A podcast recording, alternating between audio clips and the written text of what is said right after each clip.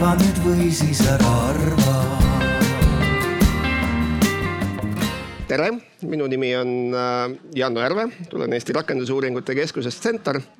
ja aitan täna siis äh, vedada arutelu tervishoiu ressursside teemal. et noh, ma arvan, et kõigil on meeles see äh, hiljutine koroonaaeg ja, ja, ja see kuidas noh, ma ütleks ajalehtedes küllaltki sageli kohtas arutelusid, et meil on väga-väga palju arste puudu, seal oli sadades, ma arvan, vist isegi need numbrid vist, millest me rääkisime aga iseenesest ressursi teema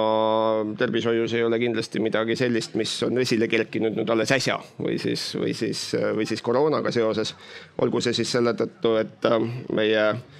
põhjanaabrite tööturg on, äh, on äh,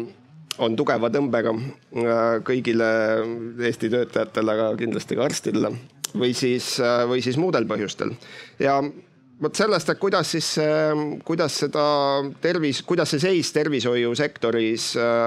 tööjõuressursiga täna on. Ähm, miks ta selline on, nagu ta on ja, ja kuidas võib-olla seda olukorda paremini teha, sellest ma plaaningi täna arutada ähm, mul on äh, neli väga-väga huvitavat äh, vestluspartnerit selles diskussioonis, kellel on äh, kindlasti väga huvitav oma nurk, mida, mida sellesse debatti kaasa tuua. ja ma arvan, et ma annangi teile tutvustamiseks sõna, enne kui me,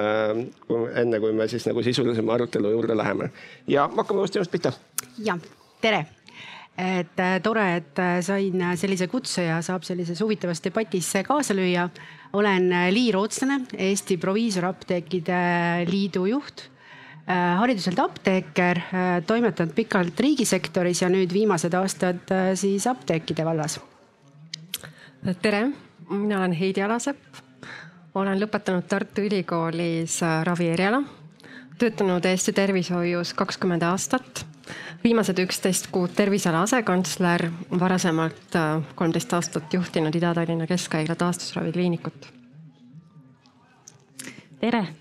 mina olen Piret Põldre-Vahur, olen Confido meditsiinigrupi personalijuht. Ja selles äh, debatis kindlasti siis üks tööandja esindaja ja ka erameditsiini esindaja. Et äh, Confidos igapäevaselt teeme selle nimel tööd, et pakkuda kõige paremat ähm, kõige paremaid ravivõimalusi, terviklikke terviseteenuseid ja väga meeldivaid ähm, siis äh, kogemusi oma patsientidele ja ilma inimesteta ei ole see lihtsalt võimalik, nii et ääretult äh, südamelähedane teema. tere minu poolt ka äh, ei ole kuulda. keerake natuke seda mikrofoni sinna suu juurde. kas nüüd on kuulda? Natukene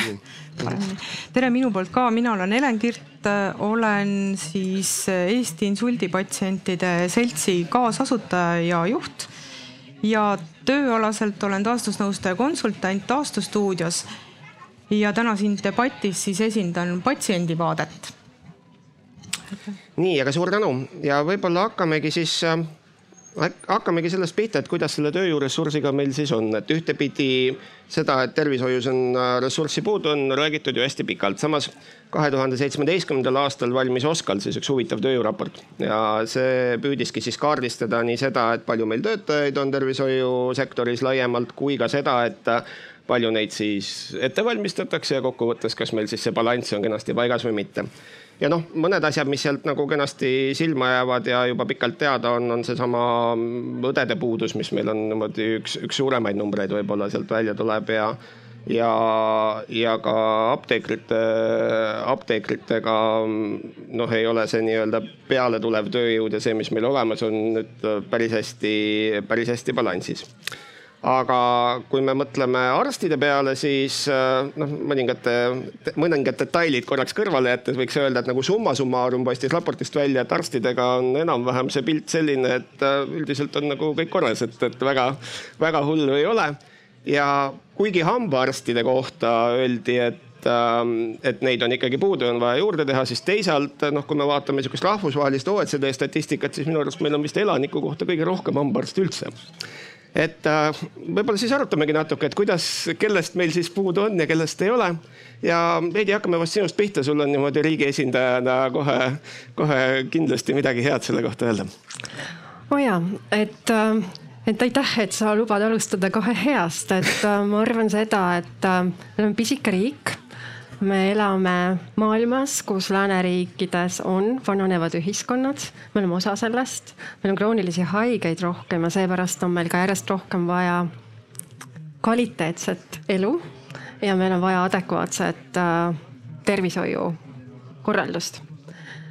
ja seda muidugi ilma inimesteta ei tee, nagu mul vasakul käel kolleeg väga õigesti ütles. Ja ja mis on, ma arvan, Eestis väga hästi, on see, et äh, meil on ülikool, kus me saame õpetada arste. see ei ole tasuline inimese jaoks, kui ta õpib seal, seda tasub riik, arstiõpe on väga pikk, see on kuus aastat, pluss siis erialaresidentuur viis aastat. meil on üle kolmekümne erialaresidentuuri, meil on lisaerialasid, et ma arvan, et see on ühe väikse riigi kohta, me võime endale teha pai väga-väga võimas saavutus ning äh, mida veel lisaks, et äh, sa nimetasid Janno seda Oskar raportit, et uh mhm. -huh. saan öelda, et sellel ajal kaks tuhat seitseteist tehti see, eks, et yes. töötasin ma haiglas. et kuna taastusravikliinik koosneb väga paljudest äh, erinevatest spetsialistidest, seal ei ole ainult arstid ja õed, et seal on ka füsioterapeudid, tegevusterapeudid, psühholoogid, et mul on vasakul käel patsient, kes teab väga hästi, et äh, keda patsient enda ümber vajab. et äh, see meeskond, kes tervishoius töötab, on väga-väga suur, et mm., et vaadake, ma arvan, et ressurssidega on nii, et täna ka me näeme riiklikust registrist, et meil on seitse tuhat arsti et sa ütlesid, et meil on õdede puudus, mina julgen täna öelda, et meil on ka tegelikult arstide puudus, sest tegelikult neli tuhat viissada nendest töötab äh, aktiivselt tervishoiusüsteemis ja nendest kakskümmend protsenti on täna juba kuuskümmend viis pluss aastat vanad. et täpselt nagu vananeb meie ühiskond, vananevad ka meie spetsialistid ja see on hästi oluline vaade. et mhm. mis on ikkagi veel hästi, on see, et äh, meil on huvi tervishoiu valdkonna vastu, meil tulevad noored õppima, meil on iga aasta nii arstiteaduskonna kui kahte tervishoiu kõrgkooli vastuvõtud. et erinevaid spetsialiste, pluss siis see, et lisaks arstidele, õdedele, proviisoritele on meil füsioterapeudid, tegevusterapeudid, äh, sotsiaaltöötajad, et tegelikult see meeskond on laienenud, meil on Tehnikaülikool, kus õpetatakse meditsiinifüüsikuid, kes on väga oluline osa. et ma arvangi seda, et hästi nutikad lahendused, millest me räägime sinuga ja meie panelistidega viimases voorus, et, et need on kohad, kus ma hea meelega ka räägin, et mis on siis veel hästi, et ma arvan tegelikult, et see baas koolituseks on Eestis väga hea, et meil on adekvaatsed Euroopas tunnustatud õppeprogrammid. meil on tugevad äh, noored kolleegid ja me, kes me tervishoius oleme aastakümneid olnud, et me, ma loodan, et me oskame seda väärtustada ja oma noori kolleege väga hästi ka sellesse süsteemi integreerida mm. -hmm aitäh, aga võib-olla lähme tööandja vaatega siis edasi, et Piret, äh, kuidas sulle tundub, äh, kui keeruline või, või lihtne on siis Confidosse töötajaid leida ma arvan, kogu meditsiinisektoris see vast-, väga lühike vastus on, et keeruline aga, aga mulle tegelikult meeldib see küsimus, et, et mõtleme kõigepealt läbi, et kas üldse meil on probleem mm, -hmm. enne kui me seda lahendama hakkame. ja, ja see OSKA raport, millele sa viitasid äh, kahe tuhande seitsmeteistkümnendast aastast, et, et see on tegelikult väga hea analüüs ja, ja võtab arvesse kõik need tegurid, mis tol hetkel olid teada, mis suurendavad seda, seda järelkasvu vajadust ja, ja, ja üleüldist niisugust nappust kirjeldavad, sealhulgas siis tõepoolest, et arstide vananemine ja seetõttu siis, siis sellest tööjõust välja liikumine, välismaale liikumine, ka see, et, et demograafilised muudatused on, eks ju, inimestel on rohkem vaja arstiabi, kõik need asjad asjad on seal hästi äh, arvesse võetud, aga juba seal äh, on tegelikult äh, võib-olla noh, kui sa ütled, et, et selles väga laias laastus on kõik okei okay,, et, et statistiliselt võib-olla elanike kohta ongi kõik okei okay,, aga mitte kõigis valdkondades. et väga selgelt ikkagi ka sellel ajal räägiti perearstide puudusest, just esmatasandi täiendavast vajadusest. õdedest öeldi juba siis, et, et sellest koolitusplaanist millest äh, piisab ainult väljalangevate õdede siis äh, asendamiseks ja mitte siis äh, uue ressursi tekitamisest ja nii edasi aga nii noh nii nagu see praegu meil on, et, et see viis aastat on kuidagi olnud selles sektoris palju pikem kui tavapäraselt viis aastat. et see Oska ütles, ütles ka seal kirja oli pandud, et see on üks väga niisugune stabiilne sektor ja on okei okay planeerida ette kümme-viisteist aastat. on osutunud, et see sektor ei ole üldse stabiilne olnud ja koroona on toonud siia ikkagi väga suured muutused sisse et mm, -hmm. et meie need napid ressursid pandi siis äh, ja tegelikult ju jätkuvalt väga proovile ja, ja just nimelt suure-suure äh, koormuse on saanud need äh, töötajate grupid, keda juba selles OSKA raportis nimetati, et on ebapiisavalt ehk et äh, perearstid, õed, äh, õdede puhul noh, tööülesandeid äh, lisandus oluliselt ja, ja tõesti, et, et kui ähm, need inimesed ka veel vanemaealised, et see noh, pinge, mis inimestele pandi lisaks füüsilisele tööle ka, ka vaimset ja, ja, ja ise riski all olles, tehes eetiliselt väga keerukaid otsuseid, on omakorda viinud välja ka inimesi tööjõuturult ehk et suurendanud veelgi seda nõudlust, seega noh, ma ütleksin, et, et kokkuvõtlikult õdedest meil on väga suur puudus ja, ja, ja arstidest mitmel erialal niisamuti. et, mhm. et seda tuleb kindlasti adresseerida ja mul on hea meel, et me sellest täna rääkida saame. aga ma tooksin ühe niisuguse mm, täienduse veel siia varasemalt öeldule lisaks, et et äh, väga palju oleme me mõelnud äh, ka seal OSKA raportis ainult sellele, et, et mida me siin Eestis vajame Mm -hmm. et ähm, samas võiks meil olla julgust ja tahtmist äh, mõelda ka selle peale, et, et arendada mingisuguseid näiteks äh, digivõimalustega siis erialad välja selliselt, et pakkuda seda ka väljapoole Eestit, et teistes sektorites me teeme seda julgelt, miks mitte ka siin. et, et kui me seda vaadet lisame, siis, siis muidugi see puudus ähm, läheb veelgi suuremaks. kogu maailma ravimiseks läheks ikkagi mitte kogu maailma ravimiseks aga et, et tahta olla maailma parimad ja pakkuda seda teenust ka väljapoole mm. -hmm. ja aitäh sulle, aga vaatame siis võib-olla tegelikult enne, kui me patsientide vaate juurde läheme, natukene ka sinna apteekide valdkonda sisse, et kuidas, kuidas sulle tundub, Lii? Ähm, kas te apteeki leiate töötajaid? Äh, ei leia? Et apteegisektor selles mõttes ei ole erinev äh, tervishoiu üldisemast valdkonnast ja, ja ka väga paljudest teistest erialadest Eestis, et äh, ka meid kimbutab äh, tööjõupuudus ja kui me räägime apteegitöötajatest, siis, siis meil on äh, farmatseudid, kes saavad siis kolmeaastase väljaõppe Tervishoiu Kõrgkoolis Tallinnas ja meil on proviisorid, kes õpivad viis aastat Tartu Ülikoolis. et äh, seda järelkasvu ja ütleme, koolitustellimus on suhteliselt vastav sellele OSKA raporti soovitustele mm. -hmm. paraku lõpetajaid ülikoolis on vähem, õpe on pikk ja õpe on keeruline ja, ja ka need, kes lõpetavad, need kõik tegelikult ei jõua apteeki, sest tegelikult apteekreid oodatakse tööle veel ju mitmetesse teistesse valdkondadesse samamoodi ja kui. kes teilt siis neid ära näpsab niimoodi? Äh, no näiteks erinevad riigiametid, ravimitööstus, äh, neid valdkondi on päris palju, kus mhm. apteeker hakkama saab ja, ja lisaks praegu, kui Oskar raport tõi seal välja, et selline tundmatu suurus oli veel apteegireform -hmm. siis, äh, siis me oleme näinud, et apteegireform nüüd apteekide arvu ei vähendanud. Äh, pigem suurenes veel see koormus, mida tegelikult apteekril oodatakse, et lisaks sellele, et sa patsienti nõustad, äh, pead sa pidama ka apteeki ja kogu see korraldus on ka veel apteekri õlgadel et, et selles mõttes kindlasti oleks, oleks apteekreid juurde vaja ja võib-olla me siin saame ka rääkida, et, et kas neid numbriliselt nii suures mahus on vaja või võib-olla pigem oleks tõesti seda töökorralduse muutust seal ka võimalik teha ja, ja kindlasti äh, on oluline, et, et noori sinna tuleks, tuleks juurde ja huvi apteekri elukutse vastu oleks, äh, oleks suur. sest äh, apteeker ei ole see inimene, kes lihtsalt ülata, ulatab sulle ravimi, vaid tegelikult, kes on võimeline palju, palju enamaks ja, ja seda patsienti toetama siis, kui patsient juba arsti juures on ära käinud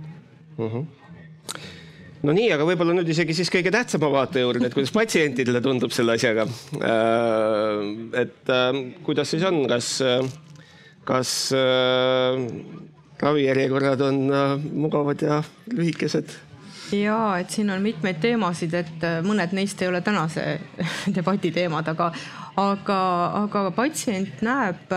siis seda tööjõu probleemi läbi teenuste et, et teenused on ju meil olemas, väga head teenused, väga head arstid, kõik justkui nagu on hästi, aga siis probleem on just selles, et noh, ma ei tahaks nüüd päris nagu spetsiifiliselt ainult, et insuldipatsientidel on see probleem, et siin on väga rasked diagnoosid, et väh, vähipatsiendid kindlasti juurde siia et äh, need on sellised rasked diagnoosid, kus inimene peab tegelema oma taastumisega või oma raviga järjepidevalt. Äh, mõnikord on see lõppematu äh, jada, et, et noh, imelist tervenemist üldjuhul ei ole et ikka tasa ja targu ja, ja selleks on vaja näiteks, kui insuldipatsiendil on, siis, siis siin on vaja nagu järjepidevalt taastumisega tegeleda ehk et spetsialistide juurde jõuda ja, ja, ja siin on nagu me oleme arutanud ka patsientidega, et äh, mis, mis nagu see murekoht on, et äh, õendus kindlasti, et äh, pereõed võiksid või neid võiks rohkem olla, siis nad võiksid olla ka rohkem nagu neil oleks võimalus rohkem nagu äh, oma töös ka esile tulla, et vanem generatsioon võib-olla ootab sellist kontakti arstiga aga, aga, aga see on ka selline harjumise teema, et noorem generatsioon kindlasti on valmis pereõega läbi rääkima, siis äh, kindlasti koduõendus et äh, väga tihti öeldakse äh, siis insuldi inimestele ka, et kahjuks ei saa seda teenust, meil lihtsalt ei ole nagu võimalusi, ressursse pole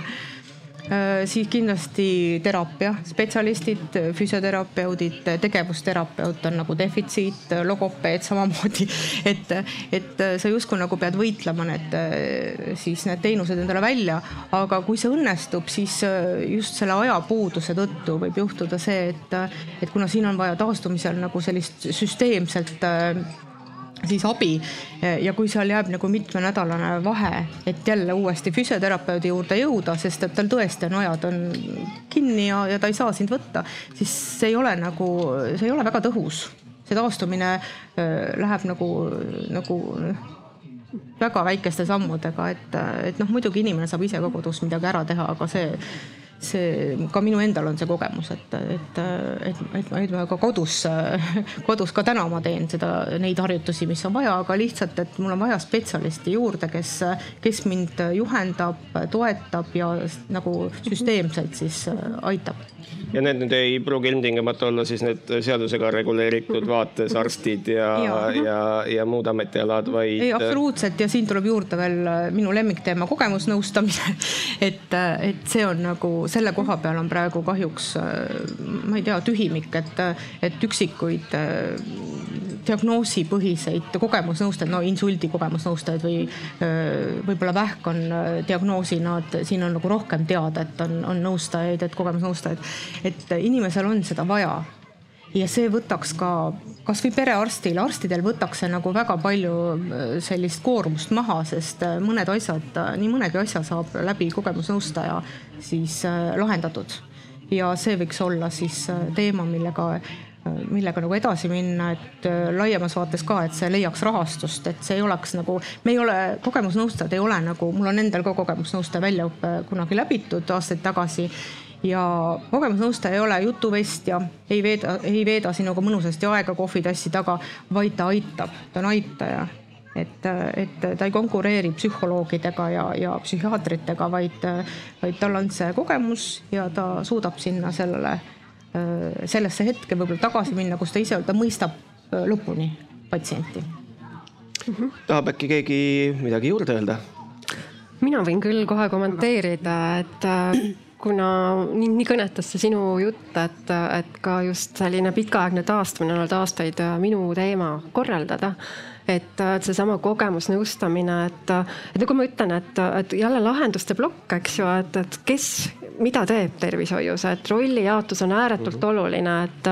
et teate, mul on aastaid tagasi olnud ääretult konstruktiivne koostöö Ameerika Ühendriikides Walter Reed Army Medical Centeriga, et kuna meie kliinik aitas ka Eesti sõjavigastatuid, siis äh, ka kui mina nende inimestega seal rääkisin ja küsisin näiteks arsti käest, et mida teie psühholoog sellisel puhul teeb, siis ta ei osanudki seda vastata, sest see on psühholoogi ülesanne. et rollijaotus on ääretult oluline ja, ja kui sa mainisid kogemusnõustamist, et, et me oma kliinikus äh, mina julgelt kaasasin neid inimesi meie meeskonda tööle, kes olid tegelikult läbi elanud ise kas raske õnnetuse või haiguse. et kes olid hästi taastunud, aga kes hakkasid rääkima meie patsientidega selles keeles, mida nad ka vajasid sellel hetkel ja see oli kulda väärt, et meil oli amputant meeskonnas, kes tegi ise proteese, kelle me koolitasime välja ja kes, kes innustas teisi. et see on tohutult oluline, see on ka muuseas teisele meditsiinimeeskonna liikmele ääretult oluline õppetund. et ma arvan, et, et kogu see teekond, mida sa kirjeldasid ja, ja kuna insult on olnud ka riigis ja Eesti Tervisekassas fookuses aastaid ja me räägime siin tegelikult raviteekonnast, siis ma siiralt loodan, et need koduõendustükid, äh, sotsiaaltöö, et, et kuidas me viime oma sotsiaalvaldkonna ja tervishoiu valdkonna kokku, et see on, ma arvan, ka selline miljoni dollari küsimus, et alati, et. et kui personaliinimene ütleb, et, et inimesi juurde, juurde, juurde, eks ju, et neid ei tekigi juurde, meid on üks koma kolm miljonit, kõik ei tule meditsiini õppima hoidku jumal selle eest, et äh, et siis tegelikult äh, sa saadki tegelikult kasutada teisi spetsialiste, seda kogemusnõustamist. lihtsalt me peame suutma ka kaardistada, et mis on meie ootused, mida me tahame ja mida me siis tegelikult saame, et ma arvan, et see on selline protsess, mis on tööle lükatud, aga mida me peame koos edasi viima mm. -hmm? Jah, ma võib-olla üks, üks asi, mida siin nagu ei ole praegu välja laual tulnud, et tegelikult äh, see tööpuudus on ka piirkonniti päris, äh, töötajate puudus on äh, piirkonniti erinev mm. -hmm. et, et kui, kui suuremates kohtades võib-olla see töötaja leidmine on lihtsam, siis on piirkondi, kus tõesti apteekri leidmine on väga keeruline ja, ja võib-olla siin lahenduste osas me saamegi sellest rääkida, millised on siis alternatiivid, et, et kui seda füüsilist apteekrit sinna kohale ei saa mm, -hmm. et, et mis siis, mis siis variant on ja kindlasti see koostöö ka, et, et see rollijaotus väärtus, et see, see on hästi oluline mm. -hmm no aga võib-olla küsime korra publikust ka, et äh, äkki teie tahate öelda, kuidas teile tundub, et kust, kus seda tervishoiusektori ressurssi kõige rohkem puudu on? kus tuleb kõige kauem ravijärjekorras istuda või kus tahaks, et teenus oleks kuidagi parem? kas on kellelgi küsimus? nii, üks moment. Äh, ma nüüd viskan teid selle kuubikuga. püüdke see kinni ja rääkige siis sinna niimoodi selle musta täpi sisse, vot sinnapoole jah üks-kaks tuleb jah. väga hea. jah, Mart Miin Tehnikaülikool seekord. Heidi mainis ka korraks Tehnikaülikoolis. ja ma nüüd küsin, tähendab, ma kuulen, et inimesi on puudu igasugustes valdkondades ja erialades, ka tohtrite erialades, eriti õdede puhul. ja kas pole nii, et ega me inimesi väga ruttu juurde ei tee ja ei koolita ka, tähendab. ja kas, kas nüüd, mis te nüüd arvate sellest, kui hea ja tubli oleks see arenev tänapäeva tehnoloogia. kas see aitaks teid, kuidas te ära tunnete? ma just nimelt äh, olen selle ala peale sattunud nüüd viimastel aegadel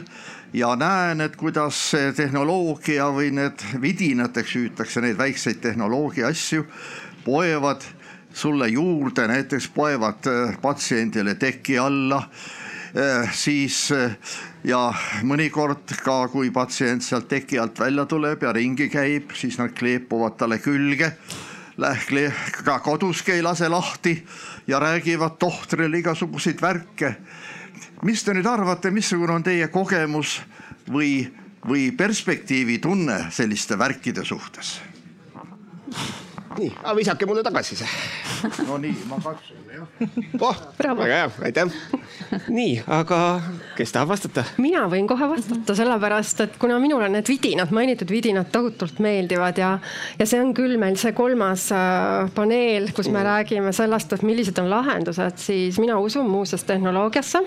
ma usun sellesse, et tehnoloogia saab meid väga palju aidata. ma arvan ka seda, et Eesti on tehnoloogia võimekuse arendamisel ääretult tugev, on omniprofessor. et minu koostöö Tehnikaülikooliga aastast kaks tuhat kaheksateist oli hästi suurepärane, aga seal oli see aga, et kui insenerid mu käest küsisid, et mida sa Heidi ootad ja siis ma ütlesin, et äkki me teeme sellised robotõed, kes ei küsi palka, keda ma saan laadida, keda saab programmeerida nii, et patsient ei solvu ta pilgust või ta on väsinud, et ta ongi keep smiling või siis rahumeelne, ta räägib. ja insenerid ütlesid mulle, et aga Heidi, meie ei taha sellist teenust. nii et ma arvan, et kas see tasakaal ja balanss on tohutult oluline ja see sõltub ka täna väga palju tervishoiuteenuse osutajast. et üks plokk, kes OSKA-s on hästi ära toodud, on hooldustöötajad. et mis on need lahendused selleks, eks ju, et teate, kui oluline on ka see, et me tegelikult neid väheseid inimesi toetame tehnikaga, et kas sa võtad kaks-kolm inimest, kes sul peavad tegelema ja tõstma patsienti näiteks seal õendushoolduskoduus või on tal ka patsiendi tõstuke, et, et mina arvan, et see tehnoloogia kasutamine inimese krooniliste ja pikaaegses äh, ja heas elukvaliteedis krooniliste haigustega, et, et see on tänane päev, see on homne päev ja ma arvan, et Eesti peab olema seal väga suur innovaator, tegema koostööd äh, tehnikateadlastega, IT-spetsialistidega, klinitsistidega, et see on kindlasti Eesti üks võimalus. Mm. -hmm jah, suur aitäh selle kommentaari eest, ma arvan, et äh, see oli just väga-väga õigel ajal, sellepärast et see ju otseselt mõjutab seda, et missugust meditsiinilist või, või kliinilist ressurssi meil vaja on. ja, ja, ja missuguseid oskuseid, et väga selgelt kindlasti me tahame sinnapoole ju liikuda, et need vidinad meid aitaksid nii diagnostikas Äh, kindlasti ka mitteinvasiivsed äh, kirurgilised äh, protseduurid, et hiljem oleks taastusravi kergem. aga hooldus on see valdkond ka, kus kindlasti saab, saab oluliselt siis nende vidinatega. Abiks olla ja, ja, ja noh, jällegi, et äh, miks mitte isegi, isegi selles osas, et, et üksikuks jäänud inimesed saaksid äh, suhelda, aga et, et, et meie saaksime kasutada seda kliinilist personali, kes meil on võimalikult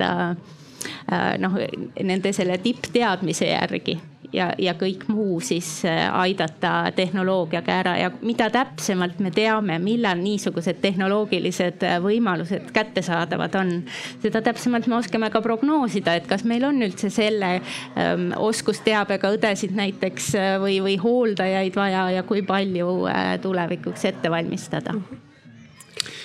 ja, jah, võib-olla ma ei, siin ei, ei, olen täiesti nõus kõige sellega, et see digimaailm on kindlasti meie tulevik, aga natuke tahaks tujurikkuja ka olla, et, et siin on täna olnud juttu ka andmekasutusest, et, et hästi oluline on ka need andmed siis äh, meile sobival moel kätte saada, neid targasti kasutada, integreerida erinevate otsustustugede ja andmekogudega, et, et lihtsalt selline massandmeid iseenesest veel ei taga seda teenuse kvaliteeti, aga just seesama tehnika ja meditsiini oskuslik integreerimine on kindlasti see võtmesõna. Ma arvan, et me tuleme äkki tehnoloogia juurde tegelikult seal päeva või meie arutelu lõpupoole isegi veel korra tagasi, kui üks lahendustest ta tõenäoliselt on aga, aga võib-olla lähme edasi meie sellise järgmise mõttelise ruumi juurde ehk siis selle küsimuse juurde, et miks meil täna siis see ressursipuudus või tööjõuressursi puudus ähm, tervishoiusektoris on, sest tundub, et üldjoontes selle esimese osa kokkuvõtteks võiks ikkagi öelda, et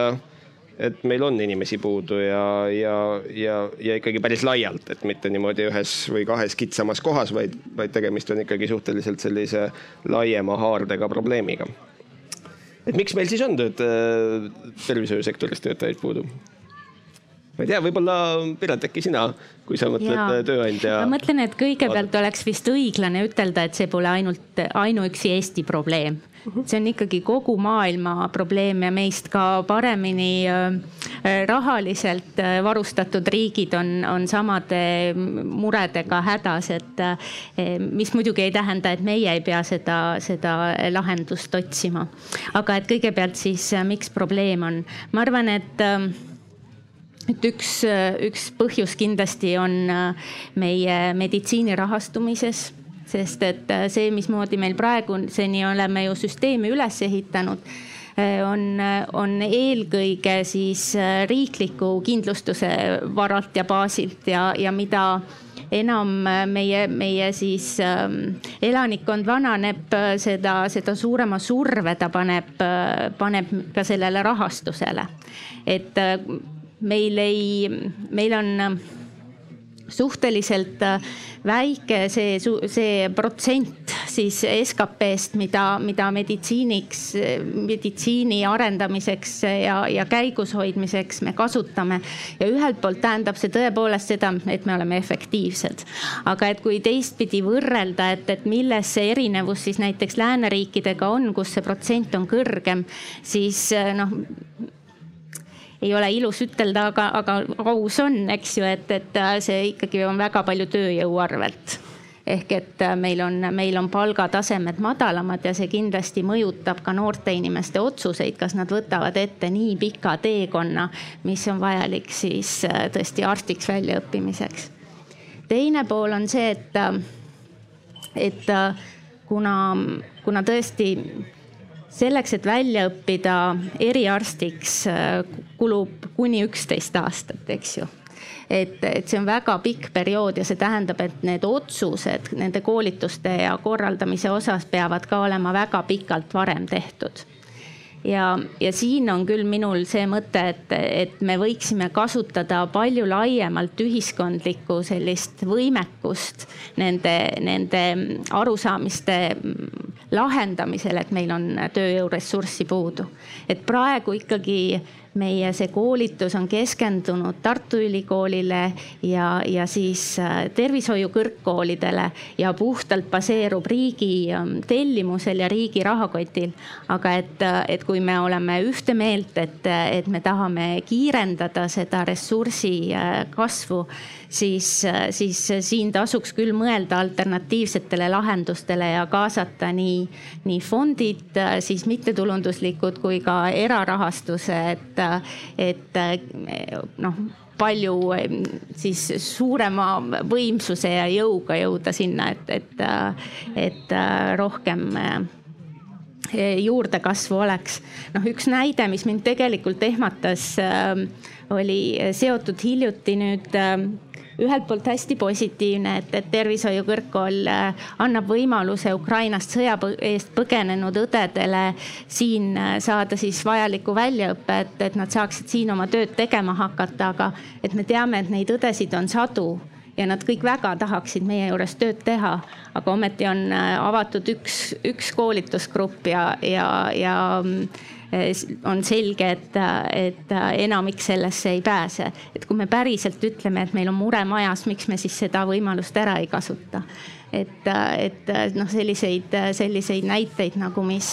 mis panevad mõtlema, et kas me tõesti ikka oleme ühelt, ühte meelt, äh, on mitmeid. aga, aga ma võib-olla napsakski siit kohe tegelikult kinni, Heidi, et aga meil on Ukrainast tuleb õdesid nii, et vähe ei ole, miks me neid siis kohe niimoodi Eesti haiglatesse ma tahan teid natuke kainestada, et tegelikult on ka niiviisi, et kolmandatest riikidest tulnud inimesi on Eestis tööl piisavalt mm. -hmm. teiseks ma tahan öelda seda, et olles ise viis aastat toimetanud Ukraina tervishoius, siis see abi ei ole täna abi, et me võtame sealt töötajaid ära.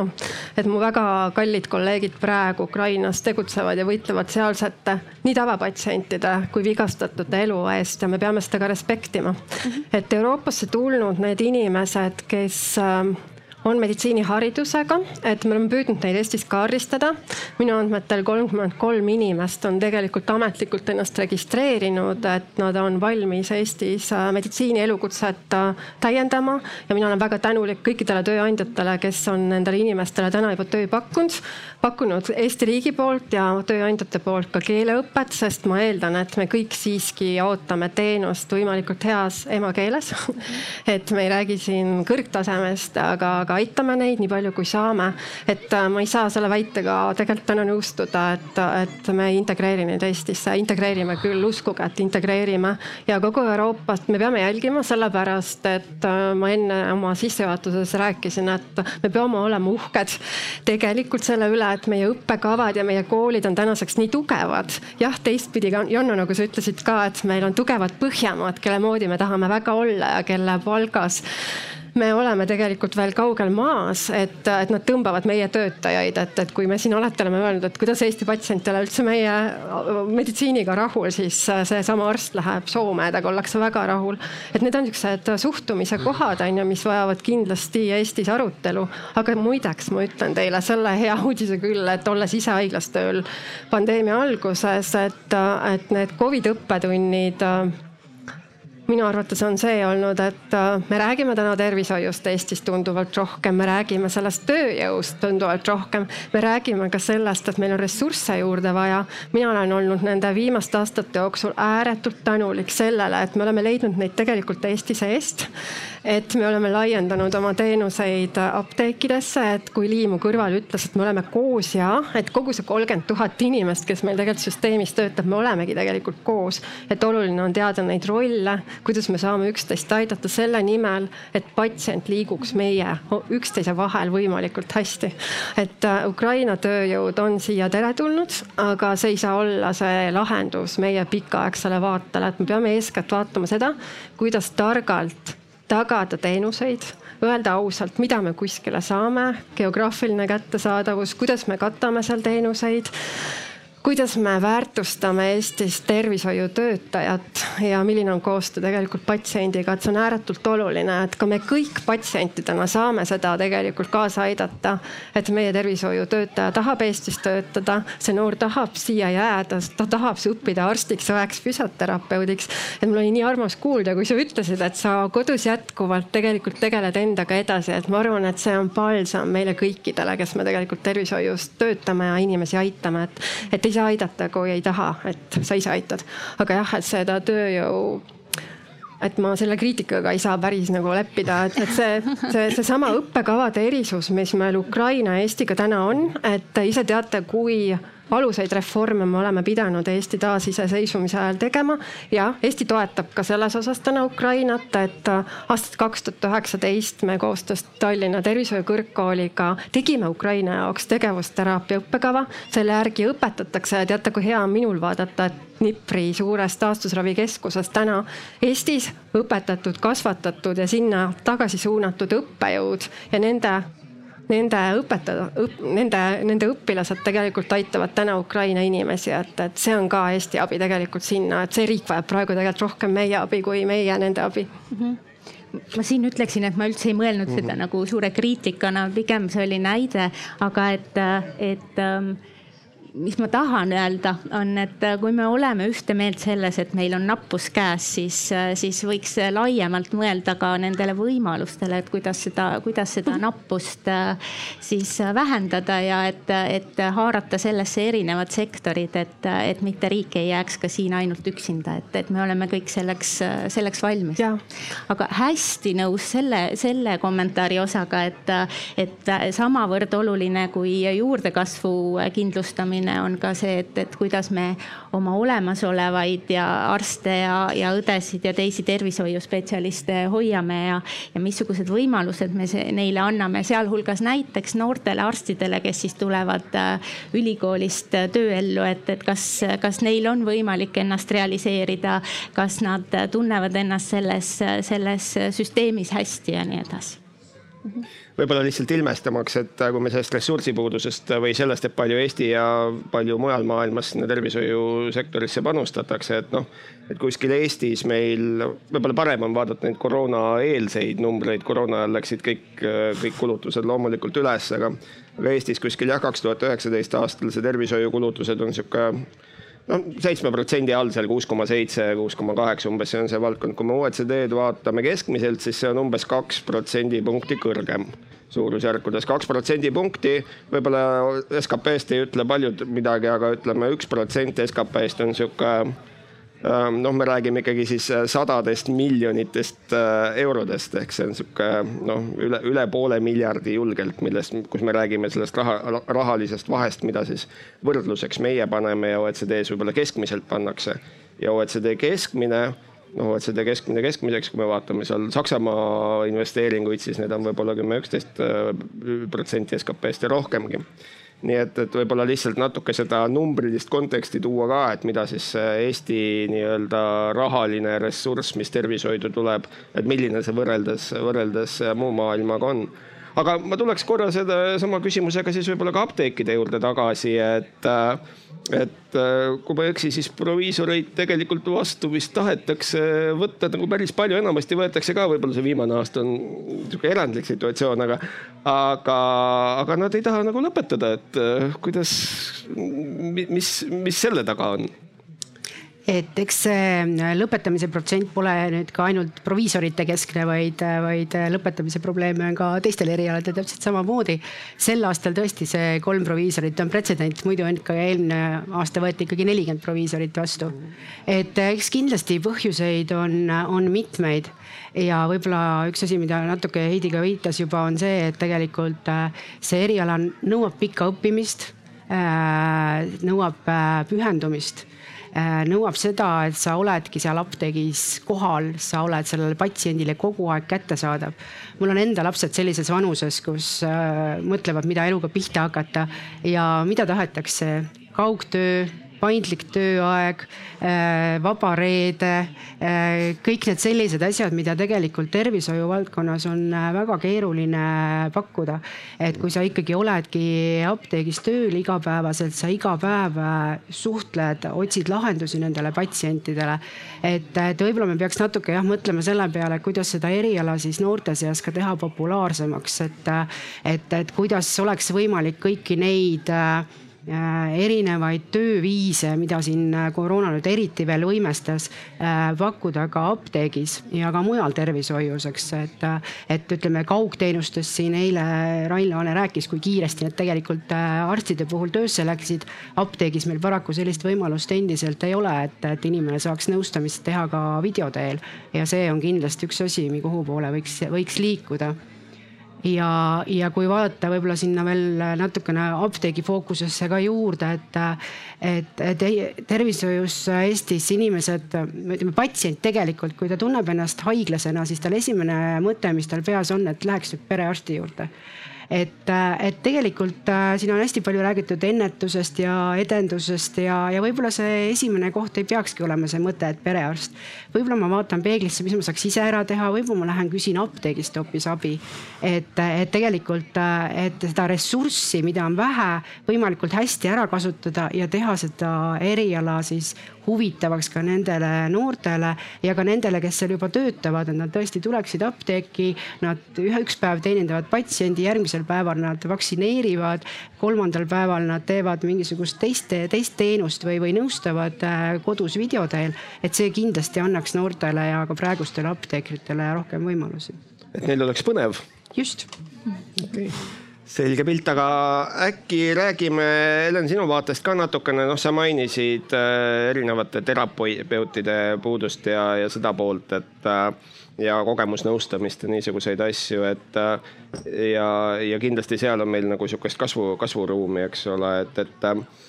Äh, mik-, miks meil äh, neid täna rohkem ei ole, et kas me oleme selle alles äsja avastanud ja me ei teadnudki, et niisugusel asjal võiks mingi roll olla tervishoiusüsteemis või, või on seal midagi muud taga? noh, ma ei tahaks öelda, alles, aga tegelikult äh, suuremas pildis küll jah, et tal kogemusnõustaja siis väljaõpe sai alguse aastal kaks tuhat neliteist, nii et see on üsna, üsna nagu noor. et, et ei tea ei teatud sellest väga palju siin mitu aastat, nüüd võib-olla, kui need patsiendiühendused on hakanud rohkem sellest rääkima ja rohkem on äh, siis äh, kommunikatsiooni olnud selle kohta ja ja, ja meditsiini ja terviseasutused on ka saanud teada, kes on äh, ja, ja kogemusnõustaja, mis on tema selline funktsioon, et et see on nagu noh, tegelikult see alles praegu on tõusuteel. aga, aga just, et et need rahastu küsimused, need miks küsimused läksid teile aga, aga patsiendi vaade on nüüd selline, kus äh, kui ma olen hädas, siis ma hakkan abi otsima kiiremas korras mm. -hmm. ja, ja, ja, ja mõnikord just kui, kui mul ei ole võimalik, ma ei saa aega, mm, mul on juba väga kehva olla et siis hakkab juba see, seal, sealt tulevadki need doktor Google ja, ja siis alternatiivmeditsiin murrab sisse ja, ja, ja kõik, et need, need kõik ei ole paha, et loomulikult peab ennast kurssi viima, et teadlikkust tõstma, aga, aga ravida, et noh, siit tulevadki need probleemid. Ja, ja tehnilise poole pealt, kui siin räägiti tehnilisest lahendusest, mina ise olen väga tehniliste lahenduste fänn aga aga ära ei tohi unustada inimesi, kellel ei ole nagu, kellel on väike digiteadlikkus ja inimesed, kes ei saa nagu äh, kasutada selliseid vahendeid äh, siis erinevatel põhjustel, on see puue või, või, või siis midagi veel, et, et äh, seda osa ka nagu kindlasti vaadata. ja kogemusnõustamise osas ütleks nii, et et siin olid lihtsalt nii head mõtted, ma kogu aeg mõtlesin kaasa ja et, et kogemusnõustamisega on nii, et patsiendiühenduste juurde on, on kogunenud need siis kogemusnõustajad, kes, kes võiksid kaasa lüüa siis selles meditsiini ja tervisesüsteemis ja, ja väga-väga heal tasemel, nad on kõik läbinud oma väljaõppe riikliku õppekava alusel, pluss väga paljud on ennast edasi arendanud, õppinud juurde võib-olla oma mingisugust diagnoosispetsiifikat sinna juurde. et äh, tasub pöörduda patsiendiühenduste poole, me oleme väga head partnerid, me tuleme kaasa ja, ja, ja, ja, ja noh me väga palju suhtleme erinevate patsiendiühendustega ja kõik on nagu valmis, et äh, võib-olla tuleb siin natuke sellist äh, teiselt poolt vastu sellist ebakindlust, ei tea, kas nad ikka saavad, et patsient ei ole eraldi nagu mingisugune seltskond, et patsiendid on täitsa tavaline inimene, me igaüks siit meie seast ja ja mõni neist äh, patsientidest on taastunud tõhusalt ja, ja on võimeline kaasa rääkima väga asjalikku juttu ja, ja, ja kasutama siis äh,, andma siis seda võimalust nagu, nagu meditsiinisüsteemile ka, et et saada paremini nagu teada sellest, võib-olla sellest haigusest äh, ja, ja, ja minu meelest on kulda väärt informatsioon. et kui detailidest räägitakse et äh, ma ise olen ka äh, siis ülikooliga koostööd teinud ja ilmselt teen ka edaspidi, et äh, terapeutidele siis just seda patsiendi poolt nagu näidata ja mis tegelikult toimub, et seal on väga palju ahhaa-momente. Ma hea meelega kommenteerin veel seda ka, et sa ütlesid see kaks tuhat neliteist, et ma ütlen meile kõigile ka lohutuseks seda, et, et ega need maailmas olevad probleemid on hästi sarnased, sa tõid ka välja, et ega tervishoiutöötaja puudus ei ole ainult Eesti spetsiifika, et ka suurtes rikastes riikides see nii on, mida meie peame siin alati arvestama oma ressurssi hoides. et see kogemusnõustamine on ka mujal maailmas tegelikult veel lastekingades, et ta kasvab, et me arenemegi sinnapoole täpselt nagu tegelikult ka juhtumikorraldaja, milles ei ole isegi selles OSKA kaks tuhat seitseteist raportis ju juttugi, eks ju, aga et see on ka eraldi eriala, kelleks õpetatakse, et eile oli siin ühes paneelis jutus, kuidas äh, eakamaid äh, õdesid ära äh, tuuakse tagasi meditsiini, kellest tegelikult antakse lisaõpet juurde kaasaega, et ta aitabki ka inimesel läbi liikuda selles väga suures ja võib-olla keerulises tervishoiusüsteemis ja sotsiaalsüsteemis, et, et tegelikult need sammud kõik tulebki astuda, et see on suurem planeerimine lisaks sellele tervishoiutöötajale ja nendele spetsialistidele, keda me täna õigusloomes ei nimeta tervishoiutöötajateks, aga kes tegelikult aitavad meil kõigil elada seda elu ka haigusjärgselt võimalikult õnnelikult ja võimalikult hea elukvaliteediga. ja ma olen hästi nõus sellega, et kõik inimesed ei ole tehnikainimesed, osad on lihtsamad, osad raskemad. et ka selles suhtes seesama koostöö inseneride, IT-teadlastega startup idega kasvõi minu arvates, et, et kes, kes loovadki teatavatele inimgruppidele järjest lihtsamaid võimalusi, et see on ka tegelikult täiesti laienev, laienev teadus-arendustrend tegelikult maailmas. et, et ma ütlengi, et see on ka meie šanss, seda enam, kui meil on patsiendid, kes on ka valmis osalema, kaasa rääkima, kaasa mõtlema ja Eesti patsient on selline. et tegelikult meil täna ka tervishoius töötajatena, meil on reeglina ikkagi patsientidega väga-väga hea koostöö ja suuremate haiglate juurde juurde on tänaseks ka loodud, eks ju, patsientide nõukojad mm. -hmm. et tegelikult need, kes me toimetame igapäevaselt patsientidega, et meile on hästi oluline see tagasiside, eks ju, et, et ma arvan, et, et need koostööd on läinud palju paremaks ja, ja, ja liigume julgelt edasi. sinna ühte siis patsiendi nõukotta just see, et anda nagu seda sisendit ja tagasisidet, et mm, -hmm. et see töötab ja ma arvan, et see sõna on meile kõigile hästi oluline, et ma loodan, et sa ka seda tunnetad tegelikult ma võtaksin korra sellest, äh, Lii, tegelikult sinu, sinu mõttest kinni, kui sa rääkisid äh, proviisoritest, eks ole, siis natukene kõlas sealt veidikene see ka läbi, et noh, et, et see nii-öelda äh, proviisori amet, et kui me tahame, et noored inimesed sinna tuleksid, eks ole, et siis noh ta ütleb, et apteeker peaks saama teha sihukeseid põnevamaid asju ka, et kui ainult anda üle, üle laua siis, eks ole, üks või teine rohi, et, et, et see, et kui sa kuus aastat oled õppinud, eks ole, siis sa tahaksid ikkagi noh, kohe ja, ja midagi sihukest tähelepanuväärset teha. aga ma lükkaks selle küsimuse niimoodi sinna, sinna tervishoiusüsteemi võib-olla natukene laiemalt, et kui me mõtleme siis noore arsti peale, kes nüüd äh, kooli on ära lõpetanud ja, ja natukene residentuuri ka käinud või võib-olla sealsamas residentuuris on, eks ole. Et siis kuivõrd meie tervishoiuasutused on siis noore, noore, noore arsti, tulevase arsti jaoks siis selline tore ja põnevaid väljakutseid, algusest peale juba tore ja põnevaid väljakutseid pakkuv keskkond, et noh, on olnud selliseid kuulujutte, eks ole, et, et kui sa oled siin kenasti ära lõpetanud ja lähed Soome, siis saab hulka kihvtimaid asju ja kohe teha. aga meil siin öeldakse, et noh, ikka tule näe, vaata siit kõrvalt ja lisaks sellele peab mingeid öövalveid tegema veel ja noh, kõik on väga vastik et äkki sa oskad seda kommenteerida natukene? Äh, mina? jaa, ma arvan küll. ah jaa, et ma olen ise ka. ja loomulikult Piret ka, et tööandjad ma olen olnud ise ka internatuuris ja residentuuris on ju, ma võib-olla tegin seda tõesti niivõrd palju ammu, et, et see, et sa pead ükskõik mis valdkonnas ennast tõestama kogenenumad kolleegi ees, ma arvan, et äh, see on paratamatus. ma usun, et siin on auditooriumis piisavalt palju ka teiste valdkondade esindajad, et sa pead selle nimel väga palju tööd tegema. et, äh, et ma arvan, et see suhtumine, et tehtagu, et see ei mhm. toimi täna enam. et kui sa oled ise krapsakas, siis lastakse sul teha küll, on minu kogemus olnud. ja ma arvan ka täna seda, et, et tööandjate jaoks on tegelikult töötaja prioriteet, et kindlasti on vigu kindlasti saab asju teha paremaks, atraktiivsemaks, aga ma arvan, et tegelikult äh, proovitakse, toetatakse. et, äh, et ma kuulasin enne seda siin, eks ju, et arstiõpe kuus pluss viis, eks, et üksteist aastat. mina julgen öelda, et see läheb veel järgmised viisteist aastat vähemalt edasi, sellepärast et selle kogenenuma kolleegi kogemus nii sinu erialalistele oskustele, suhtlusoskustele, et see on ääretult oluline, et see on hästi tugev meeskonnatöö tegelikult, et et ma arvan, et me kõik vajame oma elus mentoreid, meistreid, et, et ma arvan, et see on ka kindlasti teema, mida me peame ükskõik, kus me töötame, kas juhtidena, meeskonnaliidritena, et me peame sellega arvestama, et, et inimressurssi on alati vähe, et sa pead hoidma, sa pead ka võib-olla ümber mängima, toetama. et ma võib-olla toon teile sellise praktilisema näite ka sellest, et Covid pandeemia alguses ma arvasin ise, et ma olen juhina kakskümmend aastat töötanud, et ma olen juba kõike näinud, aga ma ei olnud läbi põlenud meeskonna ees olnud. Ja see oli väga raske. et äh, jääda ise tugevaks äh, võideldes tegelikult Covidiga, mida aastal kaks tuhat kakskümmend kogu maailm ei tundnud äh, olematute, olematute isikukaitsevahenditeta, siis see, et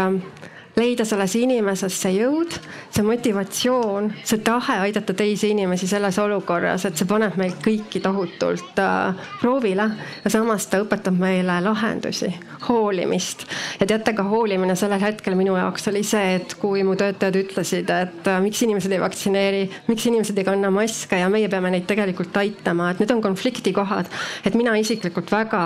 loodan ja ma töötan iga päev selle nimel, et Eesti iga päevaga muutuks hoolivamaks. me peame märkama, me peame nägema seda, et keegi teeb meiega tööd, keegi aitab, me peame sellele kaasa ka ise aitama. või ka kui inimene on saanud löögi, tal on raske aeg, et me peame aitama tööandjatena, me peame aitama kogukonnana, isegi kui see on alguses meile võõras. aga me peame sellest julgema rääkida, sest ma arvan, et me tahame kõik elada Põhjamaade kultuuris, mitte minna seda kultuuri sinna otsima ja leidma sealt seda töötasu ja rahulolu, et me peame seda rahulolu igapäevaselt looma siia mm. -hmm.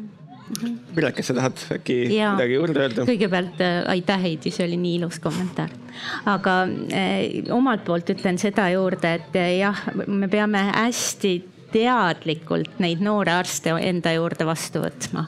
sellepärast, et eh, noh, seda on teada, et, et üldiselt eh, meditsiiniasutused on eh, üsna hierarhilised oma ülesehituselt ja, ja kui seda teadlikku tähelepanu ei pööra, siis võib tõesti juhtuda, et see noor inimene tunneb, et, et tal ei ole võimalust oma arvamust avaldada või et ta peab tegema seda, mis, mis teised ütlevad väga pikka aega, ilma et, et tema vastu huvi tuntaks, aga, aga Heidi ütles ka, et, et tegelikult see on periood, kus kus see õpe peab väga intensiivselt edasi minema, mis tähendab, et tööandjatena eh, me peame läbi mõtlema, et, et kuidas seda, seda uut ja, ja põnevat teadmist ja ka kaasamist nende noortele arstidele pakkuda ja, ja võib-olla ka niisuguseid koolitusi või, või kogemusi, mida nad ühest organisatsioonist ei saaks. et, et see missioon, millega nad on äh, õppinud ja, ja milleks valmistunud, et, et see nende, nende hingest ei äh, kaoks, enne kui nad ise jõuavad juba nende vanemate arstideni. aga noh, kahtlemata seal tuleb leida seda tasakaalupunkti, sellepärast et, et äh, meditsiinis eriti kõik erialad on ikkagi väga seotud selle, selle kogemusega ja mitte ainult teadmisega, et, et mis, mis konkreetsete situatsioonide lahendamisest tulevad ja, ja, ja noh, sellel on oma põhjus, et see väljaõpe on nii pikk ja, ja et esialgu tulebki äh, töötada noorema arstina teist, teistelt õppides mm. -hmm Lii, äkki sa tahad? jah, ma võib-olla siia juurde tooksin nüüd äh, enne küsimus oli proviisoriõppest, et, äh, et proviisoriõppes ka see OSKA raport tegelikult pakkus välja, et võib-olla üks hea lahendus oleks tegelikult ka see kolm pluss kaks õpe et praegu proviisor läheb, läheb õppima äh, oma ametit ja, ja viie aasta pärast saab ta tegelikult alles apteegis apteekrina tööle hakata et, et kui seda oleks võimalik äh, korraldada nii, et kolme aastaga saad sa tegelikult apteeki tööle, äh, sa saad seda kogemust ja siis sa saad kaks aastat juurde õppida veel seda spetsialiseerumist, kas sa tahad siis rohkem kliinilise poole peale, huvitab sind teadus rohkem, äh, saad õppida ka apteegi juhatajaks, et kindlasti ka see oleks see koht, mis motiveeriks seda noort, et ta tegelikult näeb seda, mis teda ees ootab juba. et praegu see apteekri elukoht elukutse nagu paljude seas on ka, et noh, natuke oled nagu äri, natuke oled nagu müüja, natuke oled nagu tervishoiutöötaja. et kindlasti see motiveeriks ka nagu neid inimesi, eh, noori just äh, sinna apteeki jääma ja, ja suhtlesime siin just Soome apteekritega ja neil on äh, Apteekrite Liidul selline päris äh, huvitav äh, kogemus, et nad Neil on selline nende enda poolt hallatav asutus, kes tegeleb renditööjõuga ja see pidi olema väga populaarne just noorte seas, kes, kes just lõpetavad ülikooli. et sa tegelikult võtadki esimese aasta, töötad natuke Lapimaal, siis töötad Helsingis, siis lähed, oled kaks-kolm nädalat Turus. et, et sa näed tegelikult neid erinevaid apteeke, sest noh, haiglaid on erinevaid, perearstikeskused on erinevaid apteeke samamoodi. et, et võib-olla ka see on niisugune mõte, et lihtsalt nendele noortele seda näidata, seda, kuhu nad, kuhu nad lähevad, mis on see nende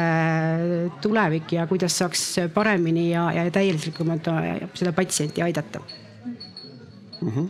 aga ma vahepeal vaatan, kas jah, publikus ongi juba käsi püsti, et, et kui me võib-olla fokusseeruks veel küsimustele võtmes, et miks meil tööjõudu puudu on. lahendusteni me kohe jõuame ka, aga sul oli käsi püsti yeah.? nii, kõigepealt katsetame, kui hea korvpallur sa oled. nii jah, selles mõttes äh, mul võib-olla kiskus juba natuke sinna lahenduste poole ära see mõte korraks, aga ma küsin siiski nagu, mis te ise arvate, et äh, kui palju võiks tervishoiu valdkonna siis töötajaskonda üle-eestiliselt nagu elavdada või siis nagu muuta seda pinnast paremaks, selline kommunikatsiooni siis hoogustamine asutuse siseselt, näiteks Äh,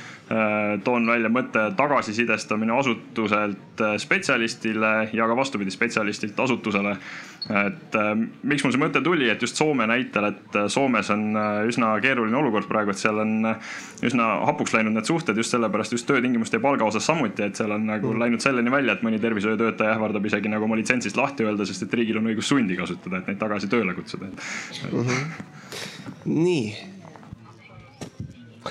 ja, aga ma arvan, et tegelikult väga hea küsimus, et ta küll läheb sinna lahenduste hulka, aga mis seal ikka. Ja aitäh selle kommentaari eest, et ma arvan, et iga organisatsioon peab teadma, kuidas ta töötajad tunnevad.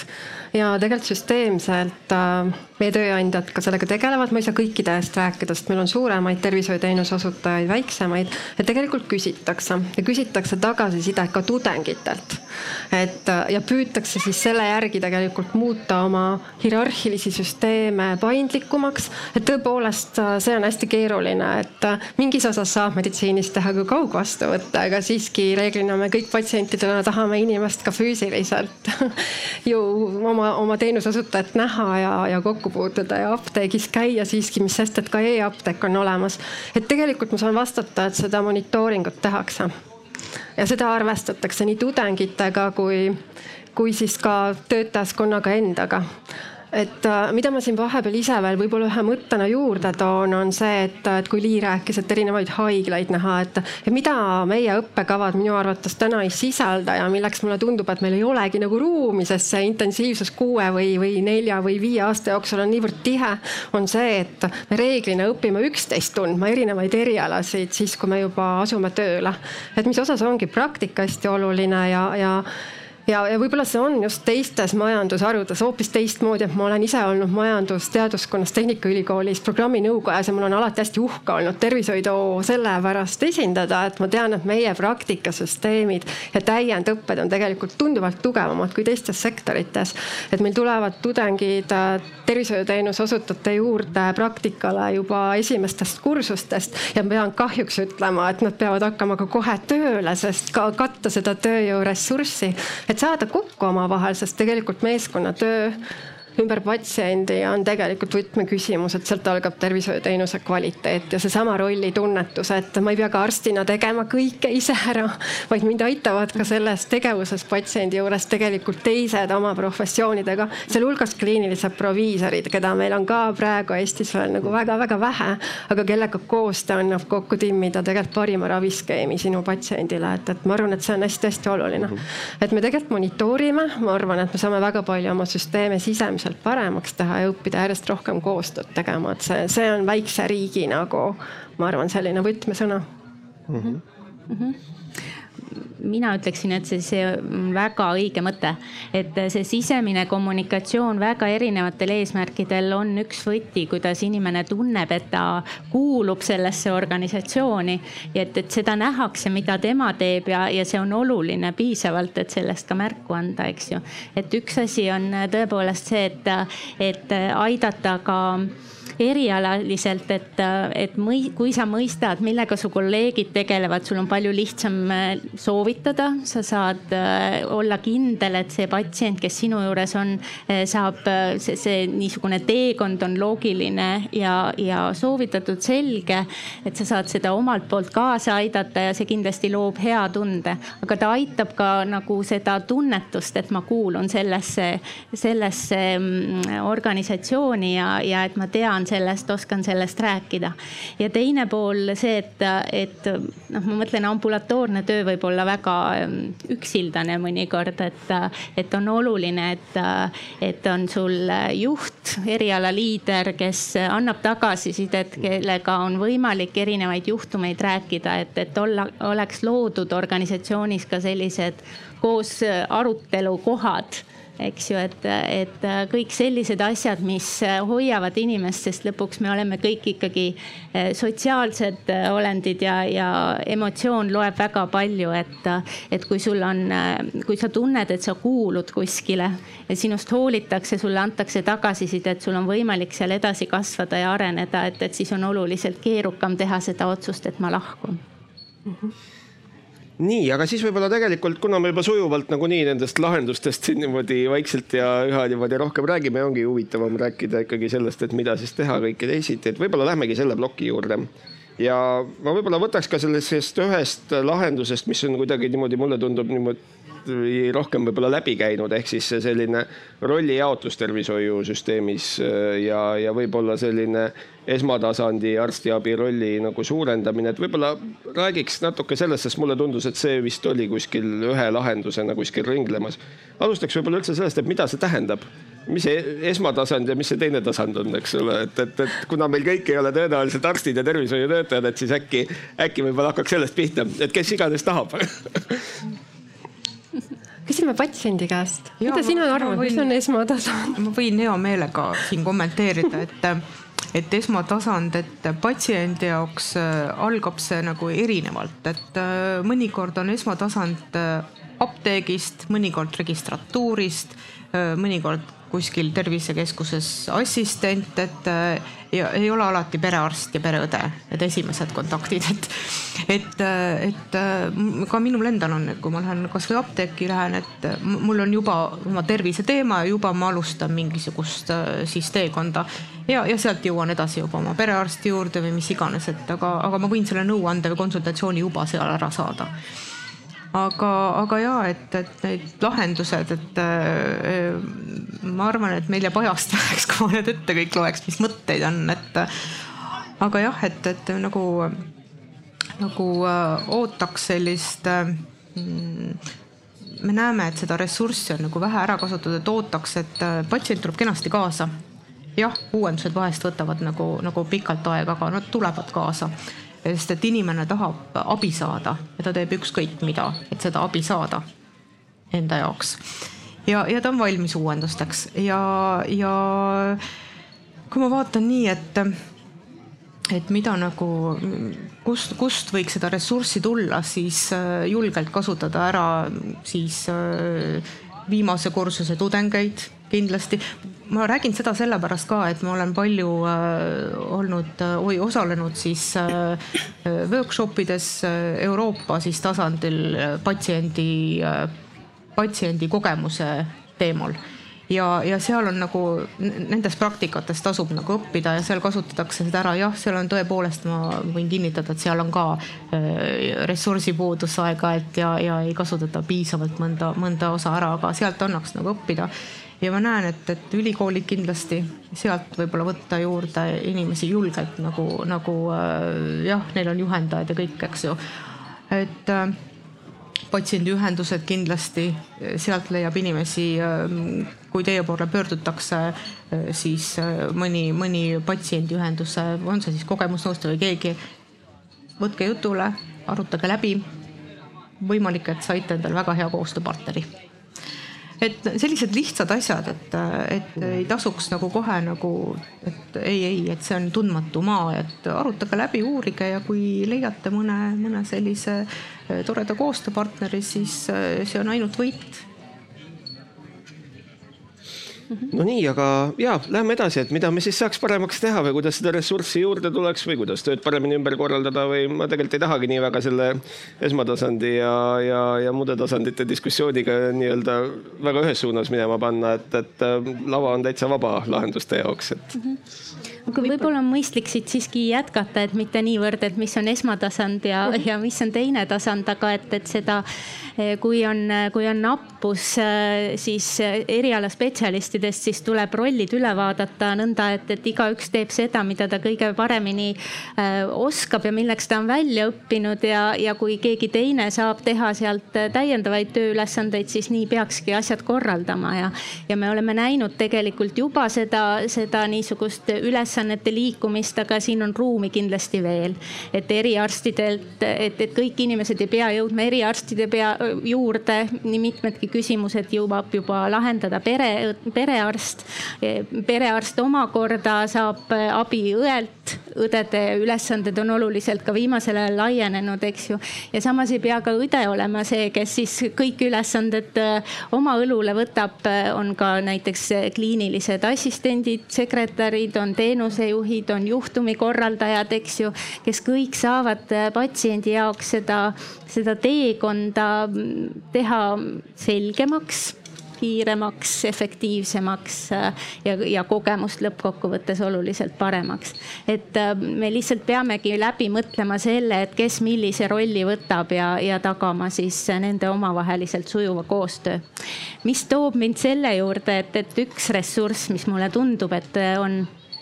veel meditsiinis noh, selline, mida me peaksime täiendavalt arendama, on meditsiinijuhid et, et need inimesed, kes siis aitaksid tagada, et, et see töö oleks võimalikult efektiivselt korraldatud, et ei tekiks ei tekiks seisakuid, ei tekiks auke, et, et protsessid omavahel toimiksid, et erinevad osapooled omavahel suhtleksid ja nii edasi. jah, see võib küll olla ka seda, et, et me sellega võtame mõni, mõned tublid äh, arstid või õed teise, teise elukutse peale, aga et mulle tundub, suures pildis on see, on see meie noh, mõttemaailmas oluline ja me peame sinna ka tähelepanu keskenduma mm. -hmm Heidi. mul oli seda aitäh praegu ääretult ilus kuulda, et kui Lii enne ütles, et proviisorid võetakse ka riigi tasandile tööle, siis ma arvan, et tegelikult just ka juhtimise kvaliteedis on väga palju nagu seda, et me saame oma tervishoidu paremaks teha, et, et, et see on hästi oluline, et meil on ka erialaspetsialiste juhtidena tööl et, ähm, et võib-olla ma natuke räägin sellest, et, et mul on olnud äh, supermeeskond, kes on mind tänaseks selliselt ette valmistanud, mul on viis lehekülge tegelikult materjale, mida tegelikult riik on teinud selleks, et meie tervishoiutöötajate järelkasv oleks Eestis olemas ja tõepoolest läbi haridussüsteemi panustatakse riiklikult rahastusse väga-väga palju ja ja ülihea on tegelikult öelda, et seesama õdede puudus, et me jõuame tegelikult sellesse koolitusvajadusse järgmiseks aastaks, et Eesti riik on leidnud rahastuse selleks, et sellel aastal võetakse õdesid juba rohkem tööle ja järgmisel aastal võetakse rohkem tööle ja mis mulle veel väga sümpaatne on, et meie tervishoiu kõrgkoolid on sedavõrd flex, sedavõrd vastutulelikud ja, ja sedavõrd tööandjatega koos töötamas, et meil on ju koolidel filiaalid, et nad ei ole ainult Tartu, Tallinna kesksed, et filiaal on Kuressaares, Pärnu Pärnus, Narvas, eks ju, Kohtla-Järvel, et, et see on tohutult oluline, Viljandis, eks ju, et, et see on hästi-hästi oluline, et, et lapsed saavad minna oma kodukohas kooli, saavad kodukohas tervishoiuteenuse osutajate juures juba ka praktiseerida, et ma arvan, et see on ülioluline ja see kindlasti ka kodu, kogukonda tugevdab. et, et üks ongi see, mida tegelikult riik ju täna teeb, et, et me koolitame, me jätkuvalt koolitame, meie tööandjad jätkuvalt täiendkoolitavad. et ma arvan, et see on miljoni dollari teema, et,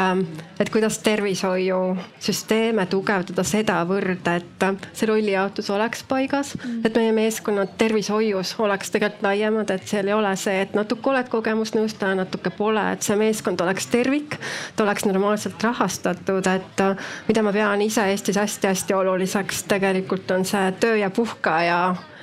normaalne, normaalne kasutamine, et me oleme viimase kolme aastaga tõepoolest saanud ikkagi tohutult seda ületööd tunda, et see ei ole, me ei ole perpetuum mobile, et me ei jõua jätta pidevalt niimoodi töötada, et see on hästi-hästi oluline tasakaalukoht, et, et meil on täna kahjuks ka üksteist tuhat äh, inimest plaanilise haiglaravi järjekorras, eks ju, tegelikult sellest Covid kriisist. et samal ajal jälle tasakaaluks ma ütlen siia juurde, et kui kui meeldivalt meil ühiskond tegelikult appi tuli, et äh, Eesti Kaitseväe meditsiiniteenistus saatis parameedikuid meil haiglatesse appi. koolid tegid taas väga kiiresti koostööd selleks, et neljakümne kaheksa tunniga põhimõtteliselt koolitati mis iganes erialade inimesi meie Covid osakondadesse assistentideks tööle, et nende lugusid me kõik lugu, lugesime ja võib-olla sellel hetkel kuulati isegi nende sõnumit rohkem kui professor Lutserit või, või selliseid meditsiinieksperte, et see kõlas nagu mõjuvalt, et tõepoolest see haigus on olemas. et, ähm, et tegelikult tegelikult need on, mina arvan, meile kõigile, kes me tervishoius töötame hästi,, hästi-hästi olulised.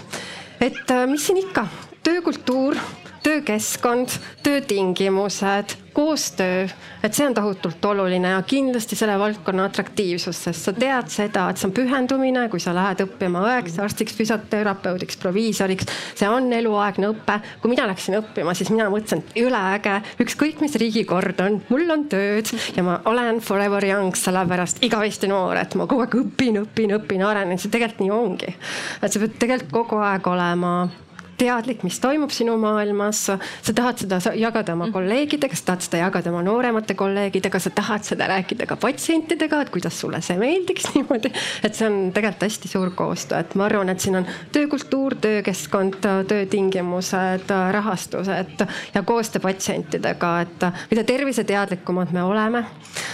mida rohkem me usaldame oma, neid inimesi, kes meid aitavad, et seda õnnelikumaks me tegelikult kõik saame, sealt algab ka teenuse kvaliteet, et ja muidugi tehnika, et mina tegelikult usun tehnikasse väga palju, nagu ma eespool ka ütlesin, et, et innovatsiooni me peame tooma oma süsteemidesse sisse, et see on rohkem kui selge, et. et ma olen nüüd sellel aastal ka käinud väga palju erinevaid äh, tervishoiuteenuse osutajaid läbi ja see on lihtsalt hämmastav, mida me tegelikult nende ressurssidega täna Eestis teeme ja. ja ma siiralt loodan, et see kõik liigub edasi, pluss veel see, et meil tekiks see teadus, arendus, innovatsioon, sest me oleme ka suurriikidele tegelikult selles suhtes atraktiivsed koostööpartnerid just, et me oleme väiksed, me oleme hästi efektiivsed, me oleme hästi kiired ja meil on tegelikult tänaseks päris hea digiplatvorm. et ja e-teenused tervishoius on asjad, mida me peame kindlasti arendama, sest minu poolt vaadates meie e-lugu täna on see lugu, mis asendati akadeemilise haiguslooga, et ka see, et kuidas sina rääkisid just sellest meie andmete kasutamisest, et kuidas see data või andmed hakkavad meie jaoks liikuma, et need on väga olulised, aga need vajavad kõik restarti ja update'i, nii et meil on tegelikult planeerimisprotsessi vaja väga tugevaid inimesi, väga häid spetsialiste, et tegelikult meil kõigil, kes me töötame tervishoius ja kes me tegelikult neid teenuseid vajame ja, ja saame igapäevaselt, et see oleks võimalikult tugev, et äh, mina usun Eestisse, ma usun tegelikult meie tegijatesse, nii et, äh, et koos edasi mm. -hmm. Lii, aga küsime siis äh, apteekide poole pealt ka, et, et jah, ma tuleksin võib-olla tagasi selle rollijaotuse teema juurde, et, et see, mida me praegu apteegis igapäevaselt näeme, tegelikult on see, et jah, me ei saa öelda, et meil on apteekrid istuvad käed rüpes, neil pole midagi teha. aga just see task shifting või rollide jaotus tervishoius, mis, mis tegelikult on ju niisugune ülemaailmne trend mm.. et, et Eestis me oleme apteekri vaates sellega nagu natukene maha jäänud, et, et ma vaatan kadedusega kasvõi siin Läti või Leedu kolleege, kes, kes, kus juba apteegis vaktsineeritakse levitakse selline oluline teenus, mis vähendab ju survet kogule tervishoiule, mida saaks ära teha ka apteegis sinna, kus inimene tegelikult tuleb oma ravimi järgi ja, ja, ja selles mõttes selline koolitustega võimalik toimetada, sest ütleme, apteeker oma tavaõppes saab ju tegelikult väga laiapõhjalise meditsiinilise hariduse, me teame, mis on vaktsiin, mis on täna kõrvaltoimed, et noh, natukene sinna nüüd koolitusi juurde veel ja tegelikult saaks sellega nagu edasi liikuda või me võtame, ma ei tea, näiteks tubakast loobumise nõustamise samamoodi, need inimesed igapäevaselt apteegis ju käivad, ostavad neid käsimüügiravimeid, et panevad oma plaastri käe peale, et äh, kõik teadusuuringud näitavad, et siin on natukene nõustamist juurde vaja, et tegelikult selle inimese tervisekäitumine muutuks. ja, ja selles kohas on apteeker äh, hea meelega nõus abis, abiks olema. et, et lihtsalt see rollijaotus ongi see, et,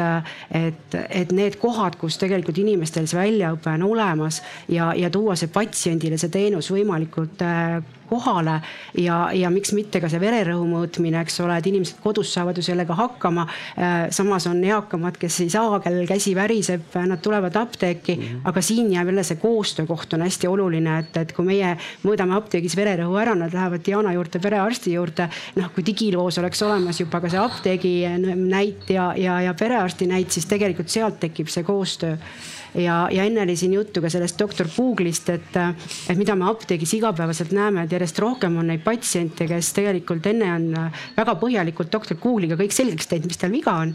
ja siis ta tuleb apteeki, ta tegelikult ei tahagi seda ravimit äh, sealt saada, ta tahabki seda nõu saada. et noh, selline toode ja selline toode ja sellise nõustamise peale läheb päris palju apteekrite energiat ja võib-olla veel üks mõte, mida üles visata, et kui siin räägiti eakamatest õdedest, kes võiks sinna Eesti Energia ära äh,, jututoa ära asendada, millest eile juttu oli, siis tegelikult on ka terve hulk ju eakaid proviisoreid, farmatseute, kes kaksteist tundi ilmselt apteegis enam ei, ei, ei suuda ravimid, ravimeid väljastada, aga hea meelega oleksid nõus tegelikult nõustama ja, ja panustama, on see siis selles konkreetses kogukonnas, meil on Eestis hästi palju just äh, maapiirkondade apteeke apteeke, mis püsivad sellisel ühel entusiastlikul tublil proviisoril, kelle vanust kipub sageli olema üle kuuekümne. et kui ta seda apteeki enam pidada ei suuda, siis ta seal kogukonnas võiks hea meelega nõustuda, rääkida koostoimetest, kõrvaltoimetest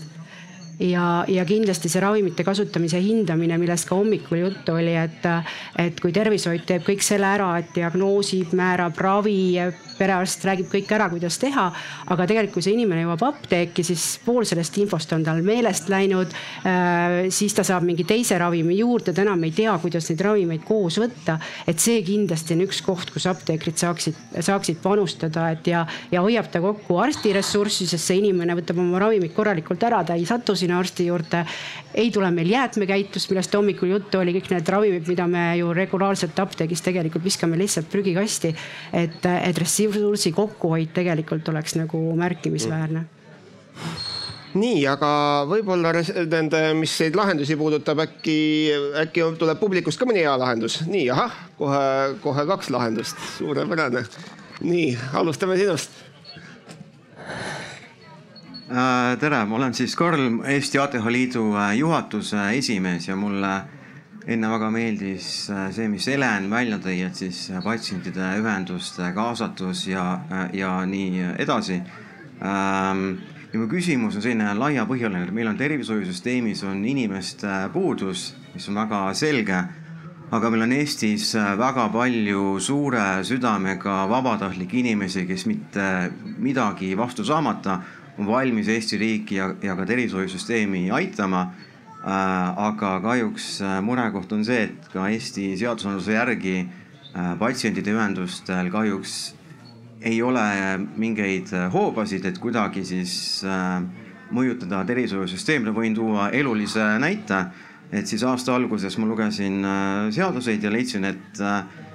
on üle, olemas üks lahendus, mis vähendaks siis vaimse tervise valdkonna spetsialistide töökoormust, vähendaks Ravimiameti töökoormust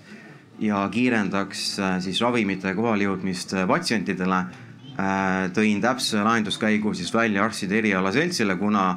Äh, seda siis avaldust saab teha ainult arstide erialaselts. patsiendide ühingud ei saa absoluutselt mitte midagi teha, seega kui erialaselts ei tee, siis asi jääbki seisma. ja siis äh, suvel juhtus nüüd see soovitus, selline lugu, et Ravimiameti töökoormus minu välja toodud probleemiga läks äh, nii kõrgeks, et nad hakkasid ise uuesti suhtlema sel teemal erialaseltsiga ja see lahendus tehti ära kahe nädalaga, kuigi siis nii-öelda vabatahtlikud tõid selle välja aasta alguses ja, ja siis äh, see pani mõtlema, et, et, äh, et äh, on patsientide ühingud, kellel on lahendused, et kuidas süsteemi paremaks teha, aga neil nagu et, et oleks hea teada, et kuidas, kuidas saaks neid tulevikus rohkem kaasata, siis on teine asi on nüüd pärast seda mul on nüüd olemas lahenduskäik, mis siis kümne aasta perspektiivis säästaks Eesti tervishoiusüsteemile kuskil viissada kuni seitsesada miljonit eurot ja vähendaks tervishoiu äh, tööd, tervishoiusüsteemi töötajate töökoormust, aga kuna ma olen tavaline Eesti kodanik, äh, siis äh, kahjuks ma ei saa neid lahendusi siis käiku viia, aga ma väga, väga hea meelega teeks koostööd riigiasutustega. Et ma, ma kuulaksingi teie poolt, et, et kas teil on mõtteid, kuidas kaasata rohkem patsientide siis ühendusi ja, ja, ja liita mm? -hmm nii Heidi, aga kuidas siis saab seitsesada miljonit eurot kiiresti kokku hoida, saate kuidagi abiks olla? oh jaa, see on Aitäh. tore idee ja muideks äh, ma tegelikult julgeks öelda, et poole aastaga saavutada tulemus on väga hästi saavutatud, et, äh, et teadmata küll, millest praegu täpselt jutt oli, aga, aga, aga jälle ka teiste riikide kogemus, et asjad võtavadki aega ka riikides, nii et ähm, sinna pole midagi teha. aga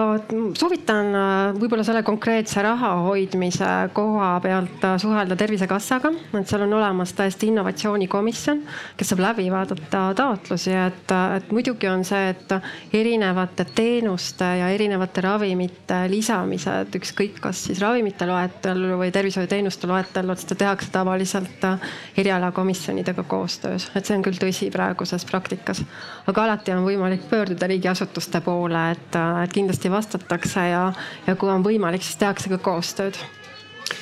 no võtame hästi kiire küsimuse, hästi, meil on niimoodi, et me peame enam-vähem kohe-kohe lõpetama, aga kui sa saad paari-kolme lausega ära küsida.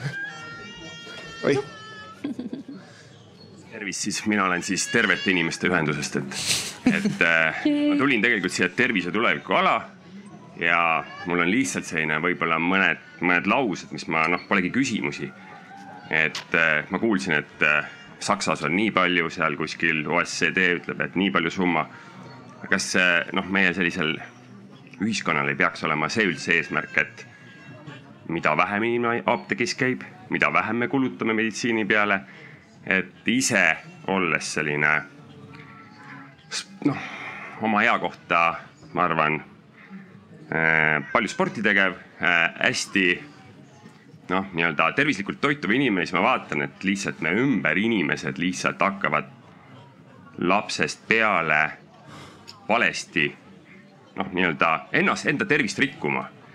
et eh, kas äkki osad need miljonid võiks minna nagu nii-öelda mitte nüüd apteekidesse,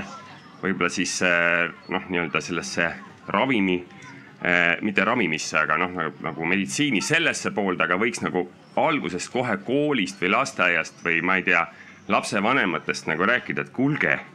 et kui te niimoodi jätkate, siis te oletegi seal noh, kümne aasta pärast diabeetikud, eks ju, mingi, mingi asja pärast, aasta pärast olete juba, et kas me võiks see eesmärk olla see, et, et no ma ütlen otse välja, et eesmärk on see, et nagu öeldakse, et et noh, naljaga, et, et võidab see, kellel on rohkem asju, aga me võiks olla tegelikult see, et meil oleks see, et võidab see, kes tervelt sureb aitäh, see on väga ilus küsimus, jällegi ma ei tea, kes tahab vastata. mina võib-olla alustan, ma ütleks teile kõigepealt braavo, et äh, ma arvan, et enesetervise hoidmine on meie kõikide väga oluline osa selleks, et äh, meie ühiskond oleks tugev ja terve. ja, ja, ja kui meie Dianaga alustasime arstiõpinguid, siis räägiti, et äh, tervishoid saab aidata kahekümne protsendiga meie tervises, siis tänaseks on see protsent WHO hinnangul tõusnud kolmekümnele, Maailma Terviseorganisatsiooni hinnangul ehk tegelikult see seitsekümmend protsenti protsenti ongi see, mida me peame ise panustama, et hea küll, seal on ka võib-olla kehva geeni ja kehva keskkonda, aga see on ka parandatav, nii et, et parandagem. et ma arvan, et see kommentaar on tohutult oluline ja ma arvan ka muide, et, et sellest räägitakse täna tunduvalt rohkem. Järjest rohkem panustatakse sellesse, et see tervisekasvatus tegelikult algaks juba lapsepõlvest. et see on hästi suur,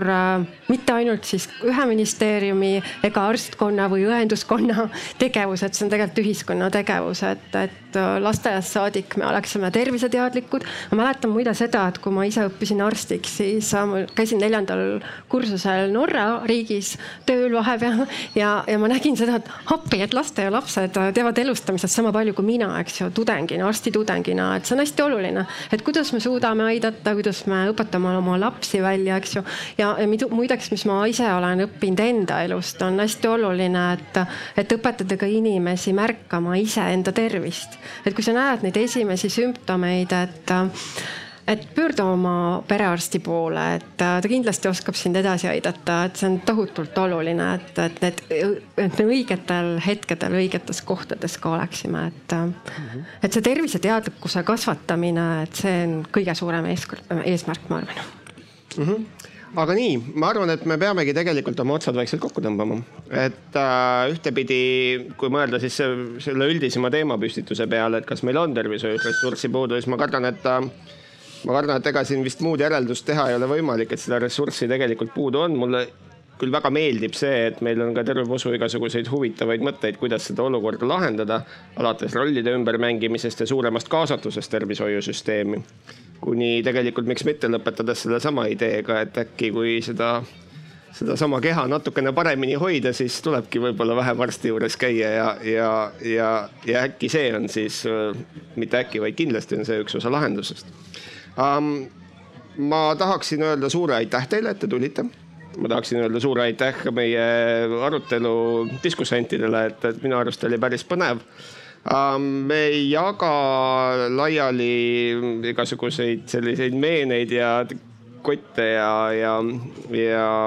ja kruuse ja, ja kommipakke. kommipakke võib-olla ei peaks jagama ka sellepärast, et arsti juurde ei mindaks hiljem. aga, aga see põhjus siin ei ole mitte see, vaid, vaid, vaid me oleme otsustanud, et, et neid ressursse saab natukene paremini kasutada Ukraina abistamiseks ja, ja, ja sellegipoolest ma ütlen teile suur aitäh, äkki see on siis piisav.